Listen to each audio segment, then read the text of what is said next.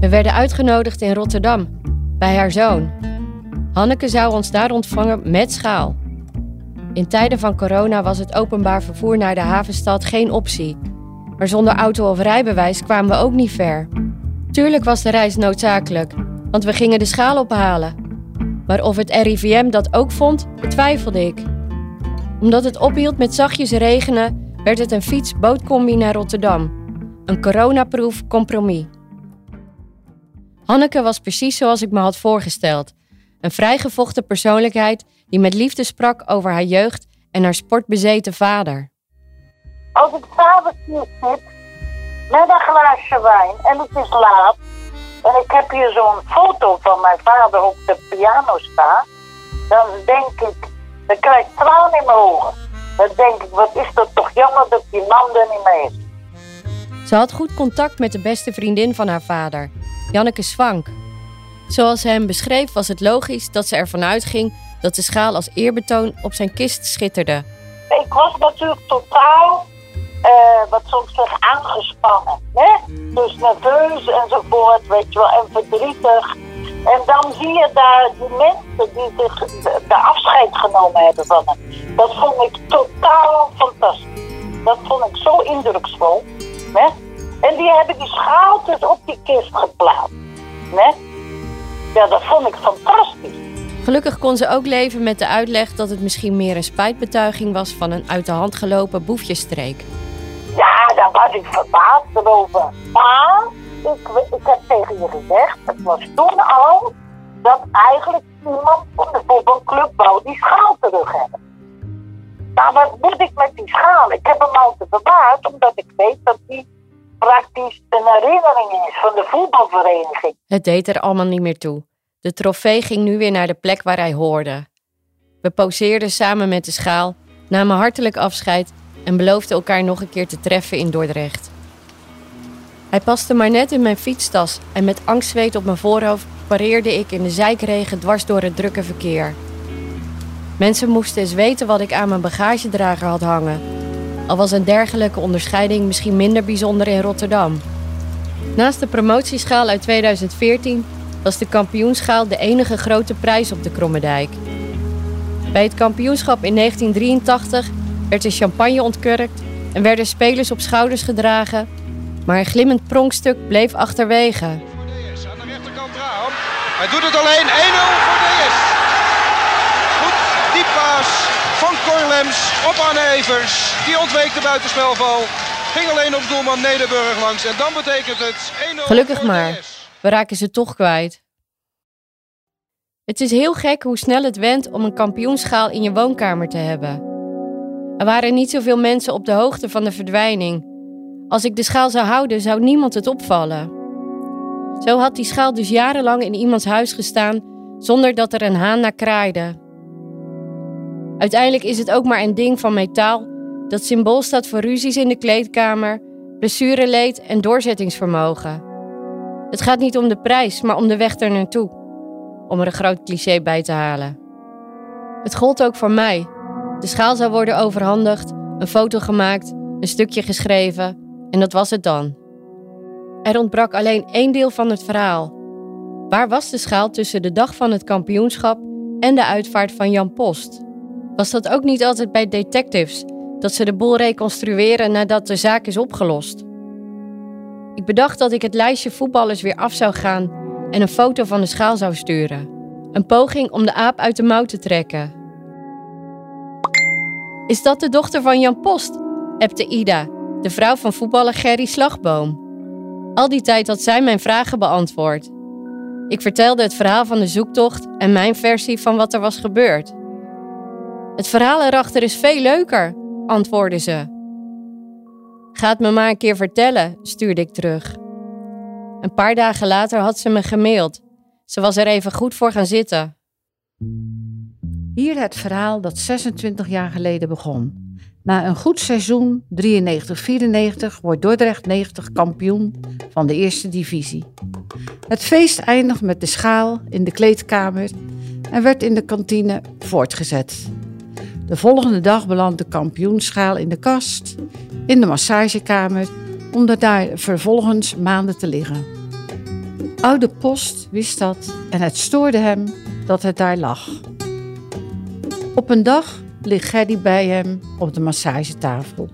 Hier, ik heb nog wat voor je. Vervolgens duwde hij de schaal in zijn handen. En tot zijn grote verbazing was het een kampioenschaal. Gerry hield het af. Nee joh, wat moet ik ermee? Post vertelde dat de schaal er nu al zes maanden lag en er geen haan naar kraaide. Hij legde de schaal terug in de kast en Gerry ging naar huis. Plotseling kwam Post de parkeerplaats oprennen, haalde een plastic zak onder zijn jas vandaan en duwde weer die schaal in zijn handen. Neem hem mee naar huis. Gerry kwam thuis en vertelde mij het verhaal waarop ik reageerde. Och, het is wel een mooie fruitschaal. Die wil ik wel hebben. Zo gezegd, zo gedaan. En binnen vijf minuten was de schaal gepromoveerd tot fruitschaal. Een week later was ik bij een wedstrijd van Gerry. Zie ik Post met een grote grijns op zijn gezicht. Wat heb je nou gedaan? vroeg ik hem. Ik vertelde dat het nu een mooie fruitschaal was geworden. En we lagen helemaal in een deuk. En toen werd het idee geboren. Laten we afspreken dat als u komt te overlijden, laat ik er een mooi bloemstuk op maken en dan zetten we het op je kist. Er komen vast mensen uit de voetbalwereld nog even gedacht tegen je zeggen. Hij vond het een geweldig idee. Zag het al helemaal voor zich hoe de ogen uit hun koppen zouden vallen van schrik. Na één jaar fruitschaal komt er een einde aan. Ik was met onze kinderen voetbal gaan kijken. We dronken daarna nog iets in de spelershome. Ik stond met een trainer te praten totdat onze zoon naar de prijzenkast staarde. Hé, hey, die schaal hebben wij thuis ook. Waarop ik zei dat papa zoiets ook had gewonnen als voetballer van het jaar. Een leugentje om bestwil. Bij thuiskomst verhuisde de schaal meteen naar de vliering. Eerst onder het bed van mijn zoon, daarna heeft het jaren achter een schot gelegen. Totdat in 2002 Jan Post overleed. Door fouten in het papierwerk ging zijn lichaam niet naar de wetenschap, maar werd hij gecremeerd. Zo kon ik de belofte inlossen en er werk van maken. De schaal kwam achter het schot vandaan en was door de warmte zo krom als een hoepel. Met de schaal in mijn tas liep ik de bloemist binnen om er een bloemstuk op te laten zetten.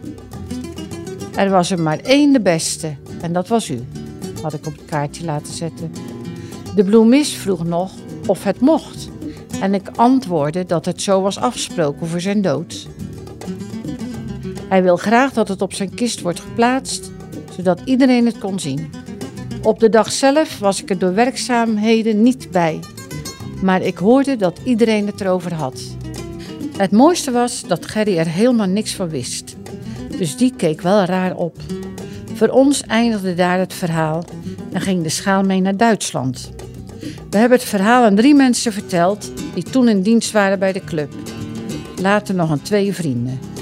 Groeten van Ida en natuurlijk ook van Gerry. De cirkel is rond, net zoals de schaal. Maar nu weten we eindelijk dat Jan Post zelfs na zijn dood nog een punt wilde maken. Zoals Hanneke al zei, het zijn sporen in het leven. Weet je wat, dat zijn de sporen in het leven die je achterlaat. Omdat er nog een prijzenkast moet worden getimmerd, hangt de schaal voorlopig in het Dordrechts Museum als bijzonder object. Wel zo veilig.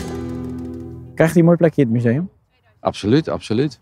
We hebben uh, bijna 400 uh, voorwerpen van uh, Dordtenaar aangeleverd gekregen. En die krijgen allemaal een mooi plekje. Dus deze natuurlijk ook. Voor een tentoonstelling die gaat over Dordrecht... is misschien wel een kerst op de taart... dat juist de schaal dan ook in het museum staat straks, of? Zeker, zeker. Dit is, kijk, we zijn op zoek naar bijzondere voorwerpen... en liefst ook met een bijzonder verhaal daarachter. Nou, dit, deze voldoet aan allebei de eisen. Dus nee, dit is absoluut een, absoluut een topstuk. En daar eindigt ook het verhaal van onze zoektocht.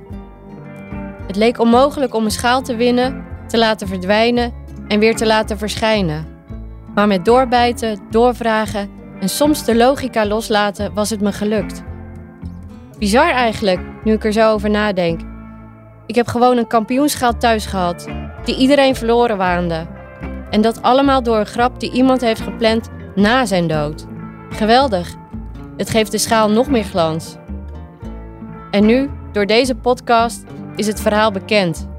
Ik hoop dat het wat extra's toevoegt aan de gekke verhalen om FC Dordrecht heen. Want dit is niet zomaar een club. Er gebeurt altijd iets onverwachts, zoals dit verhaal bewijst. Het is geen club van het grote geld. Maar juist dat geeft ruimte voor dit soort verhalen. Verhalen van mensen, niet per se van roem of glorie. En wie weet wat voor FC Dordrecht objecten er op mijn begrafenis boven zullen drijven.